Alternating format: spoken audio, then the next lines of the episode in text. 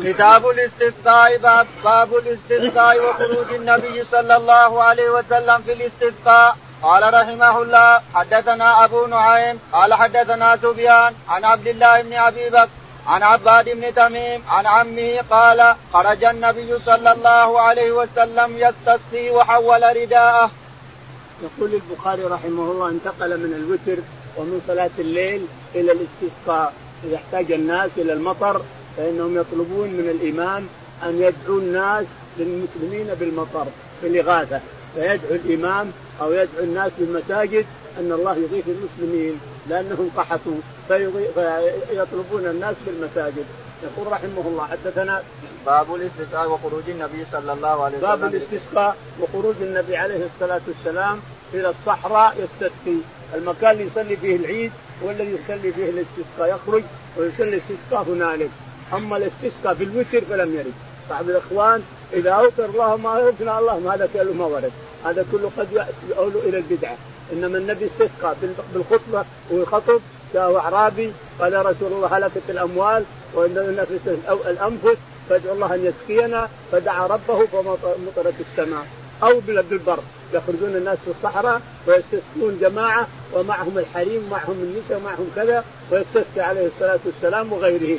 فيخرج الإمام أو هنا بالحرم الإمام يستسقي جائز هذا. يستسقي يوم معين يسكون الناس إن شاء الله ويخاطبهم يعظهم ويذكرهم الإمام من المسجد إلى آخره.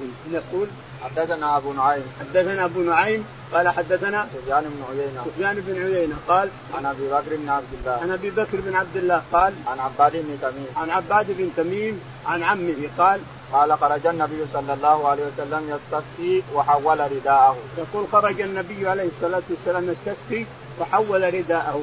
يعني الرسول حول رداءه. ولما رآه الصحابة حول حولوا أرديتهم. أما الأمر بتحويل الرداء فلم يوجد. ما وجد شيء من كلام الرسول عليه الصلاة والسلام. بعد الناس إلى استسقى هنا في الحرم وانتهت الخطبة حولوا أرديتكم ما في لزوم تقول حولوا. إذا رأوك الناس حولت الرداء من هنا إلى هنا حولوا أرديت. اللي عليه كرشك ولا عليه غترة ولا عليه مشلع تحولونها. لكن تأمر أمر فالرسول ما أمر الناس.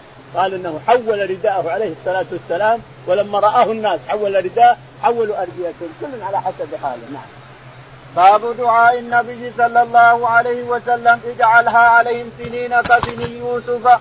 قال رحمه الله حدثنا قتيبة بن سعيد قال حدثنا مغيرة بن عبد الرحمن عن أبي الزناد عن الأعرج عن أبي هريرة رضي الله عنه أن النبي صلى الله عليه وسلم كان إذا رفع رأسه من الركعه من الركعة الآخرة يقول اللهم أنجي عياش بن ابن ربيعة اللهم أنجي سلمة بن هشام اللهم أنجي الوليد بن الوليد اللهم أنجي المستضعفين من المؤمنين اللهم اشدد وطاعتك على مضر. اللهم اجعلها سنين كسني يوسف. وأن النبي صلى الله عليه وسلم قال غفار غفرها غفر الله لها وأسلم سالمها الله. قال ابن ابي الزناد عن ابي هذا كله في الصبح. يقول البخاري رحمه الله باب الاستسقاء. حدثنا باب دعاء النبي صلى الله عليه وسلم اجعلها عليهم سنين باب دعاء النبي عليه الصلاة والسلام على قريش. اللهم اجعل عليهم سنين كسنين يوسف يعني قحط. القحط ما يرون المطر سنين حتى يهلكوا من الجوع والعطش لعلهم يرجعون إلى الله. لعلهم يرجعون لأن الشدة والمحنة إذا أصابت القوم وهم في غفلة عن الله فرجعوا إلى الله تعالى وتنبهوا أنهم مربوبين لرب العالمين وأنهم تحت رب رحيم ورب يعبد فيتنبهون ويرجعون. كل فتنة تأتي الدولة أو تأتي الناس ومصيبة يرجعون إلى الله تعالى وتقدس. ولهذا تجد الكسوف آية من الآيات الله يخوفهم لعلهم يرجعون إليه ويعبدونه حق عبادته. يقول أبو هريرة أن الرسول عليه الصلاة والسلام إذا رفع رأسه من الركعة الأخيرة قال اللهم أنجي العياش بن ربيعه وأنجي اللهم أنجي سلمة بن هشام. سلمة بن هشام. وأنجي اللهم أنجي الوليد بن الوليد. الوليد بن ابن ابن الوليد. ابن الوليد. اللهم أنجي المستضعفين من المؤمنين بمكة. ثم يدعو على قريش أن الله يصيبهم بسري كسن يوسف إلى آخره. اللهم اشدد وطأتك على مضر. اللهم اشدد وطأتك على مضر، مضر أهل مكة، مضر من قبيلة مكة. من من جدهم مضر. ابن معد بن عدنان نعم. اللهم اجعلها كسنين كسني يوسف. اللهم اجعل عليهم سنين كسني يوسف، يعني يوسف لما دعوا أن رأى الملك. الملك رأى أنه أن بقر سبع تأكل بقر سبع. بقر سبع. عجاف تأكل بقر ثمان. قال هذه البقرة السبع هذه قحط. تأتيكم ثم يأتيكم البقرة الثمان إلى آخره. فسرها لهم أنها سنين سنين قحط وسنين تأتيكم ربيع وخير.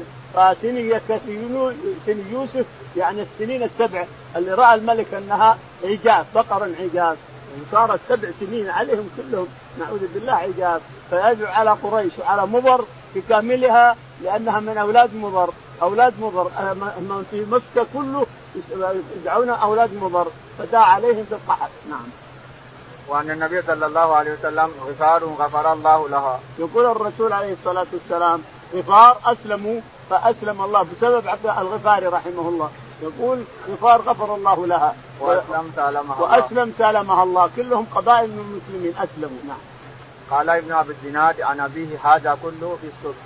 يقول أبو الزناد عن أبيه عبد الرحمن بن أبي الزناد. عن أبيه ابن الزناد يقول هذا كله في الصبح هذا الدعاء كله في صلاة بعد صلاة الصبح. نعم. قال رحمه الله حدثنا ابن أبي شيبة قال حدثنا عثمان بن أبي شيبة قال حدثنا جرير عن منصور عن عبد الضحى عن مسروق قال كنا عند عبد الله فقال إن النبي صلى الله عليه وسلم لما رأى من الناس إدبارا قال اللهم اللهم سبع كسبع يوسف فأخذتهم سنة حست كل شيء حتى أكلوا الجلود والميتة. والجيف وينظر أحدهم إلى السماء فيرى الدخان من الجوع فأتاه أبو سفيان فقال يا محمد إنك تأمر بطاعة الله وبصلة الرحم وإن قومك قد هلكوا فادعوا الله لهم قال الله تعالى فارتقب يوم تأتي السماء بدخان مبين إلى قوله عائدون يوم نبطش البطشة الكبرى فالبطشة يوم بدر وقد مدت الدخان والبطشة واللزام وآية الروم. يقول البخاري رحمه الله حدثنا قال حدثنا عثمان بن أبي شيبة. عثمان بن أبي شيبة. قال حدثنا جرير بن عبد الحميد. جرير بن عبد الحميد. قال حدثنا عن منصور بن المعتمر عن منصور بن المعتمر قال عن أبي الضحى. عن أبي الضحى مسروق قال عن مسروق بن الأجدع. عن مسروق بن الأجدع قال عن عبد الله بن مسعود. عن عبد الله بن مسعود رضي الله تعالى عنه أن النبي عليه الصلاه عبد الله بن مسعود من أصحاب الرسول في مكة من أول من أسلم رضي الله عنه وأرضاه. اسلم مع الرسول عليه الصلاة والسلام. فالشاهد أنه يقول إن النبي عليه الصلاة والسلام نعم. قال كنا عند عبد الله فقال إن النبي صلى الله عليه وسلم لما رأى من الناس إدبارا. يقول ابن مسعود كنا عند النبي عليه الصلاة والسلام بمكة ولما رأى من قريش إدبارا رأى من الناس إدبار وأنهم لا يستجيبون له ولا يطيعونه دعا عليهم. بسري كسري يوسف يعني سبع. تهلكهم وتميتهم من الجوع. يقول فأصاب الناس سنة كاملة لا يجدون طعام يأكلونه. الغنم لا تجد عشب والمطر ما تنزل مطر والناس هلكوا من الجوع. يقول حتى طلع الدخان. من الجوع يطلع الدخان الإنسان يقول قال الدخان يا فلان يطلع من اسمك دخان والثاني يقول يطلع من اسمك دخان وسميت الدخان. سميت الدخان لأنهم يطلع دخان من الجوع فأتى أبو سفيان إلى الرسول عليه الصلاة والسلام فقال يا محمد إنك تأمر بدعوه بعباده الله وتأمر بصلة الرحم وقد هلك قومك من الجوع فادعو الله لهم. دعا عليه الصلاة والسلام رحمة وشفقة على قومه. دعا على أهلهم فأصابهم السماء وأصابتهم المطر وحيوا. وهذا قول الله تعالى. يوم تأتي. تأتي السماء بدخان مبين. يعني كل من تنفس طلع منه دخان من الجوع. يوم تأتي السماء بدخان مبين. وكذلك البطش يوم بدر أتت أيضا. واللزام الزمهم كذلك الحق. و و... وآية الروم. وآية الروم الإفلام غلبت الروم. في أذن الأرض ومن بعد غلبهم سيغلبون في بضع سنين. تراهن أبو بكر الصديق وقريش على أن الروم سيغلبون الكفار. كفار قريش كفار المشركين لأن الروم يدعى أنهم من النصارى من أهل الكتاب والكفار ليسوا بكتاب. فتراهن أبو بكر لكنه حدد سنين قال له الرسول لا تحدد. أطلق السنين ما ندري لا تحدد. نراهنهم أن الروم ستنتصر على الفرس.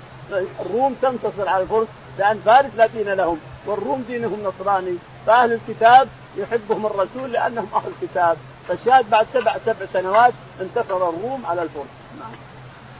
باب سؤال الناس الإمام الاستسقاء إذا قحطوا إذا قحطوا قال حدثنا عمرو بن علي قال حدثنا أبو قتيبة قال حدثنا عبد عبد الرحمن بن عبد الله بن دينار عن أبيه قال سمعت ابن عمر يتمثل بشعر أبي طالب وأبيض يستسقى الغمام بوجهه ثمال اليتامى عصمة للأرامل وقال عمر بن حمزة حدثنا سالم عن أبيه ربما ذكرت قول الشاعر وأنا أنظر إلى وجه النبي صلى الله عليه وسلم يستسقي فما ينزل حتى يجيش كل ميزاب وأبيض يستسقى الغمام بوجهه رمال اليتامى عصمة للأرامل وهو قول أبي طالب. يقول البخاري رحمه الله باب سؤال الناس الإمام. باب سؤال الناس الإمام الاستسقاء. يعني إذا قحطوا يأتون يسألون الإمام ويخاطب يا فلان أننا قحطنا اسأل الله لنا. والجماعة يؤمنون. هو يدعو والناس تؤمن. يقول البخاري رحمه الله حدثنا عمرو بن علي الفلاس. عمرو بن علي الفلاس. قال حدثنا أبو قتيبة. أبو قتيبة. قال عبد الرحمن بن عبد الله بن دينار. عبد الرحمن بن عبد الله. قال حدثنا عن أبي عبد الله بن دينار. عبد الله بن دينار قال قال سمعت ابن عمر يتمثل بشعر أبي طالب. يقول سمعت ابن عمر يتمثل بشعر أبي طالب لما استسقى الناس الرسول عليه الصلاة والسلام وهو على المنبر يخطب فنزل المطر. جاء السحابة وهلت المطر ونزل على لحيته عليه الصلاة والسلام وعلى وجهه. يقول ابن عمر والله كأني أنظر وصف أبي طالب للرسول عليه الصلاة والسلام. عمه أبو طالب وأبيض يستسقى الغمام بوجهه. ثمال اليتامى عصمة للأرامل. استسقى الغمام بوجهه. مجرد ما دعا عليه الصلاة والسلام جاء السحابة فحلت المطر وهو على المنبر. يقول فرأيت المطر نزل على حليته وعلى وجهه فتمثل فرأيت وصف أبي طالب في وجه الرسول عليه الصلاة والسلام وأبيض يستسقى الغمام بوجهه شمال اليتامى يعني إنه يرفد اليتامى. عصمة للأرامل عصمة للنساء الأرملة اللي ما لها أحد واليتيم ثمال له يعني يرفده من الجوع يرفده عن الضياع فهذا عصمة ثمال اليتامى عصمة للأرامل عليه الصلاة والسلام. أبو طالب آه، شفع له الرسول عليه الصلاة والسلام لأنه حمى الرسول عليه الصلاة والسلام حماية لم يحمها أحد قبله. حماه عن جميع أذية يؤذى إليها. وشفع له أنه لا يدخل النار. أبو طالب ما يدخل جهنم لكن يخرج له نعلان من نار يقف عليهما نعوذ بالله يغلو منهما دماغه. يرى أنه أشد أهل النار عذاب وإنه لأهونهم. شفع له الرسول عليه الصلاه لأنه حمى الرسول عليه الصلاة والسلام. لم يكن أحد يصل إليه وأبو طالب موجود. وكذبتم. يقول كذبتم وبيت الله نبذى محمدا ولما نقاتل دونه ونناظر كذبتم يا قريش يعني نبذى محمدا نتركه ولما نناظر دونه ونقاتل. قصيدة عصمة قريبة سبعين بيت على اللام. ومنها ثمال اليتامى. ثمال اليتامى أبيض يستسقى أمامه بوجهه. ثمال اليتامى عصمة للأرامل عليه الصلاة والسلام عليه الصلاة والسلام. عاد بن عمر يقول تمثلت وجه الرسول حينما تذكرت قصيدة أبي طالب نعم. قال رحمه الله قال حدثنا الحسن الحسن بن محمد قال حدثنا محمد بن عبد الله الأنصاري قال حدثني أبي عبد الله بن المثنى عن ثمامة بن عبد الله بن أنس عن أنس أن عمر بن الخطاب رضي الله عنه كان إذا قحطوا استسقى بالعباس بن عبد المطلب فقال اللهم إنا كنا نتوسل إليك بنبينا فتسقينا وإنا نتوسل إليك بعم نبينا فأسقنا. قال فيسقون.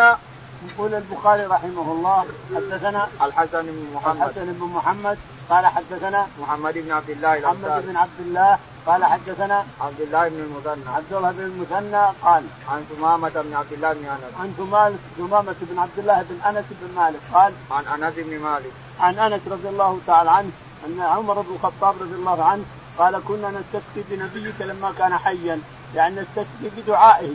هذا ما له ما لهم حجة الصوفيه والاشعريه ليس لهم حجة في هذا الحديث لأن جميع أمة محمد علماء الإسلام قاطبة. يرون أن قول أنس بن مالك لعمر بن الخطاب وعمر بن الخطاب كنا نستسقي بدعاء نبيك.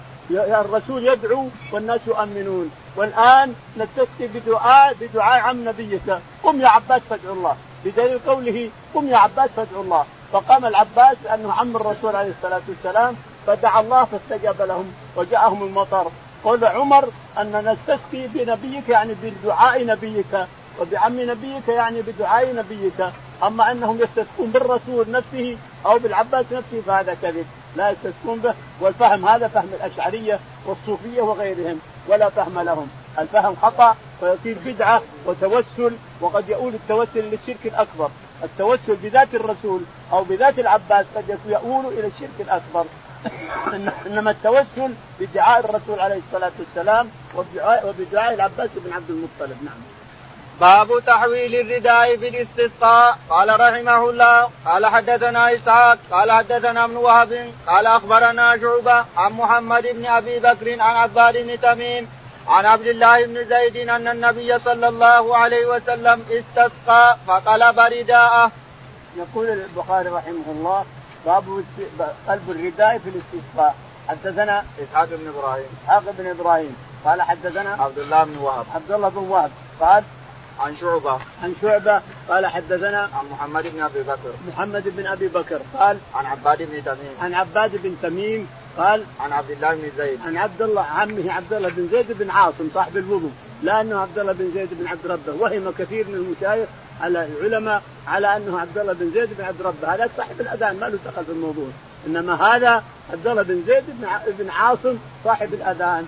يقول عبد الله بن زيد بن عاصم نعم.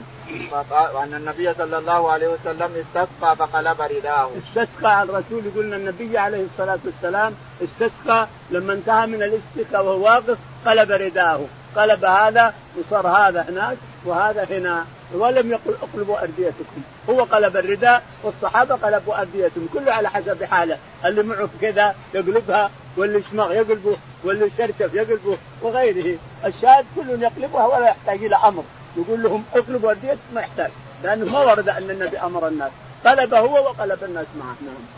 قال رحمه الله قال حدثنا علي بن عبد الله قال حدثنا سفيان قال حدثنا عبد الله بن أبي بكر أنه سمع عباد بن تميم يحدث يحدث أباه عن عمه عبد الله بن زيد أن النبي صلى الله عليه وسلم خرج إلى المصلى فاستسقى فاستقبل القبلة وقلب رداءه وصلى ركعتين. قال أبو عبد الله كان ابن عيينة يقول هو صاحب الأذان ولكنه وهم لأن هذا عبد الله بن زيد بن عاصم المازني مازن الأنصار. يقول البخاري رحمه الله حدثنا علي بن عبد الله المديني. علي بن عبد الله المديني قال حدثنا سفيان بن عيينة. سفيان بن عيينة قال عن عبد الله بن أبي بكر. عن عبد الله بن أبي بكر قال عن عباد بن تميم. عن عباد بن تميم عن عمه عبد الله بن زيد قال هنا أنا يحدث أباه عن عن عمه عبد الله بن زيد بن يحدث أباه عن عمه عبد الله بن زيد بن عاصم أن الرسول عليه الصلاة والسلام استسقى ثم قلب رداءه ووجهه إلى القبلة. استسقى ووجهه إلى القبلة ثم بعد ذلك قلب رداءه ووجهه إلى القبلة أيضا ثم انصرف إلى الناس نعم. وصلى ركعتين. وصلى بعد ذلك قبل الاستسقاء، صلى ركعتين قبل الاستسقاء نعم. قال أبو عبد الله كان ابن عيينة يقول هو صاحب الأذان ولكنه وهم. يقول البخاري رحمه الله أن ابن عيينة يقول هو صاحب الأذان لا وهم وهم من من أبي عيينة وهم من ابن عيينة هذا صاحب الوضوء هذا عبد الله بن زيد بن عاصم صاحب الوضوء لا أنه صاحب الأذان. صاحب الأذان ما له دخل في الموضوع. نعم. باب الاستسقاء بالمسجد الجامع. قال رحمه الله حدثنا قال حدثنا محمد قال قال أخبرنا أبو دمرة أنس بن عياد قال حدثنا شريك بن عبد الله بن أبي نمر أنه سمع أنس مالك يذكر أن رجلا دخل يوم الجمعة من باب من باب كان وجاح المنبر ورسول الله صلى الله عليه وسلم قائم يخطب فاستقبل رسول الله صلى الله عليه وسلم قائما فقال يا رسول الله حلقت المواشي وانقطعت السبل فادعوا الله يغشينا يغيثنا. قال فرفع رسول الله صلى الله عليه وسلم يده يديه فقال اللهم اسقنا اللهم اسقنا اللهم اسقنا. قال أنس ولا والله ما نرى في السماء من سحاب ولا قزع ولا شيئا وما بيننا وبين سلع من بيت ولا دار. قال فطلعت من من ورائه سحابة مثل الترس. فلما توسطت السماء انتشرت ثم امطرت. قال والله ما رأينا الشمس ستا ثم دخل رجل من ذلك الباب في الجمعة المقبلة. ورسول الله صلى الله عليه وسلم يخطب يخطب فاستقبله قائما فقال يا رسول الله هلكت الأموال وانقطعت السبل فادعوا الله يمسكها يمسكها. قال فرفع رسول الله صلى الله عليه وسلم يديه ثم قال اللهم حوالينا ولا علينا اللهم على الآكام والجبال والآجام والذراب والأودية ومنابت الشجر. قال فانقطعت وخرجنا نمشي في الشمس قال شريك فسألت أنسا أهو الرجل الأول قال لا أدري. يقول البخاري رحمه الله باب الاستسقاء من الإمام وهو يخطب. في مسجد في المسجد الجامع. في المسجد الجامع. حدثنا محمد. محمد قال حدثنا أبو ضمره أنس أبو ضمره أنس قال حدثنا شريك بن عبد الله بن أبي شريك بن عبد الله بن أبي نمر قال حدثنا أنه سمع أنس بن مالك يذكر أن رجلا أنه سمع أنس بن مالك رضي الله عنه دخل على الرسول عليه الصلاة والسلام والرسول يخطب. فقال يا رسول الله هلكت الناس من الجوع والعطش فادعوا الله أن يغيثنا. فرفع عليه الصلاة والسلام يديه إلى السماء وقال اللهم أغثنا اللهم أغثنا. ما زاد على ثلاث مرات. اللهم اسقنا اللهم اسقنا. اللهم اسقنا الغيث اللهم أغثنا اللهم أغثنا. يجوز أنه ورد في بعض الأحاديث أن الرسول أطال اللهم أغثنا غيثا مغيثا سحا طبقا نافعا غير ضار. نافعا غير ضار عاجلا غير عاجل يعني دعاء طويل. قاله الرسول لكن البخاري اختصر اختصر على الحديث اللي في على شرطه وإلا داوود طول الحديث وطول الدعاء اللي دعا به الرسول عليه الصلاة والسلام. يقول أنس والله ما كنا نرى في السماء بشيء. سلع جبل الجبل اللي مع مع شرق المدينة. يقول ما نرى شيء. يقول ما وعينا والرسول يخطب إلا سحابة مثل الترس الترس هذا الكتاب يقومها الناس. يقول جاءت جاءت جاءت ومشت مشت مشت. يقول ما وعينا لو انفجرت. تعالى الله وتقدس. يقول انفجرت. انفجرت على المدينة والاوديه وغيرها. وبقي ستة أيام والسماء تمطر. حتى جاء الأعراب الثاني. ما يدري انس يقول هو هو ولا غيره. فقال يا رسول الله انقطعت السبل من الاوديه ما عاد نقدر نمشي. وهدمت البيوت وغيرها. فادعو الله أن يمسكها عنا. فقال اللهم حوالينا ولا علينا. اللهم على الضراب والآكام وبطون الأودية ومنابت الشجر ومراتع البادية. يقول فانجابت حتى طلعنا في الشمس. عليه الصلاة والسلام. عليه. هذا الاستسقاء تستسقي الإمام على المنبر أو تخرج إلى الصحراء وتستسقي بالناس. أما استسقى وأنت توتر. اللهم أغثنا هذا كلام كله فارغ. ما له قيمه ولا ورد عن النبي عليه الصلاة والسلام. يستسقي الامام في الخطبة أو يستسقون الناس في الصحراء. هذه الحالتين التي فعلها الرسول واتباعه من علماء الإسلام ولم نسمع أحدا من أئمة المسلمين أنه يستسقي في الوتر، الوتر اللهم اغثنا اللهم هذا كله كلام لا قيمه له. باب الاستسقاء في الخطبه في خطبة الجمعة غير مستقبل القبلة. قال رحمه الله قال حدثنا قتيبة بن سعيد قال حدثنا إسماعيل بن جعفر عن شريك عن أنس بن مالك أن رجلا دخل المسجد يوم يوم جمعة من باب كان نحو دار القضاء ورسول الله صلى الله عليه وسلم قائم يخطب فاستقبل رسول الله صلى الله عليه وسلم قائما ثم قال يا رسول الله حلقت الأموال وانقطعت السبل فادعوا الله يغيثنا فادعوا الله يغيث يغيثنا. فرفع رسول الله صلى الله عليه وسلم يديه ثم قال اللهم أغثنا اللهم أغثنا اللهم أغثنا. قال أنس ولا والله ما نرى في السماء من سحاب ولا قزعه وما بيننا وبين سلع من بيت ولا دار. قال فطلعت من ورائه سحابة مثل الترس فلما توسطت السماء انتشرت ثم ثم أمطرت. فلا والله ما رأينا الشمس ستا ثم دخل رجل من من ذلك الباب في الجمعة.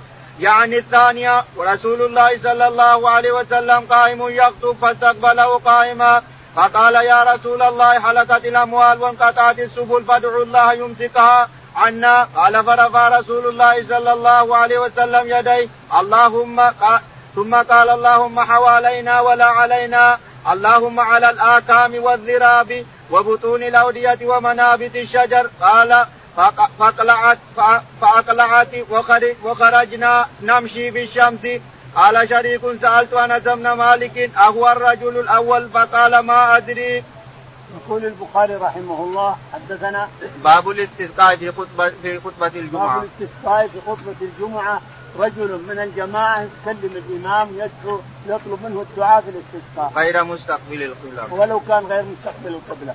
يقول حدثنا قتيبة بن سعيد. قتيبة بن سعيد. قال حدثنا إسماعيل بن جعفر. إسماعيل بن جعفر. قال حدثنا شريك بن أبي نمر. شريك بن أبي نمر. قال عن أنس بن مالك. عن أنس بن مالك رضي الله عنه. قال أن رجلا دخل المسجد يوم الجمعة من باب كان نحو دار رجلا دخل المسجد يوم الجمعة وطلب من الرسول الاستغاثة. هذا الحديث طويل.